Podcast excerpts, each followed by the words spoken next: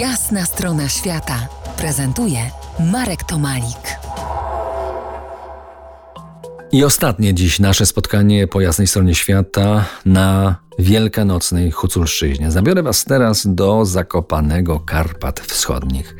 Leżąca nad Czeremoszem krzyworównia, zwana kiedyś właśnie Zakopanem Karpat Wschodnich, zachowała swoją zabytkową zabudowę. Zajrzałem tam do grażdy, typowego obronnego huculskiego domostwa z 1750 roku, składającego się z kilku budynków otoczonych masywnym płotem z bramą. Na ogrodzonych przydomowych łąkach kośnych, zwanych cyrankami, trzymano tam trzodę i bydło. Letni wypas zaczynał się w drugiej połowie maja i kończył we wrześniu. Gazdowie powierzali po głowie deputatom, takim naszym juchasom, dzierżawcom połonin. Za co? Za większą część udoju, zapłatę w gotówce albo inne towary. Owce wypasał Watacha, odpowiednik naszego Bacy. Taki typ gospodarki funkcjonował do początku XX wieku. W krajobrazie wysokich wzgórz był od zawsze niewielki huculski koń, koń huculski z bujną grzywą i patykowatymi nogami.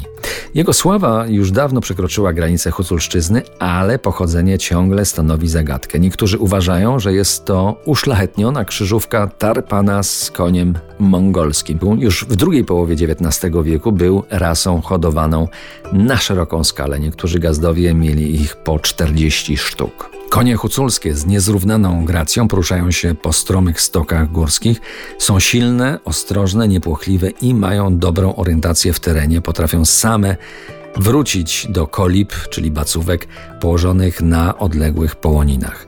Świetnie radzą sobie w warunkach zimowych i dzielnie znoszą bardzo niskie temperatury. Są przyjaźnie nastawione do ludzi i bardzo bezpieczne w czasie zabaw z dziećmi.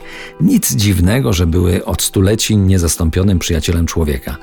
Podwierzch na roli, a od końca XIX wieku także w zaprzęgu dla letników. Warto pamiętać, że na początku XX wieku dla rodaków ze wschodniej Galicji Huculszczyzna była tym, czym Podhale dla krakowian.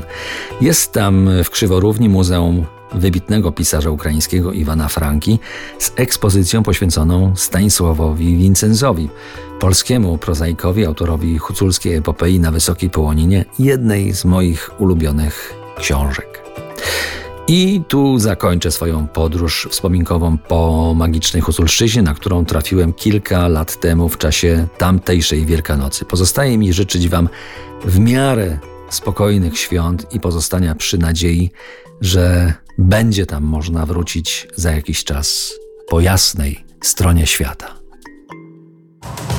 To była jasna strona świata w RMF Classic.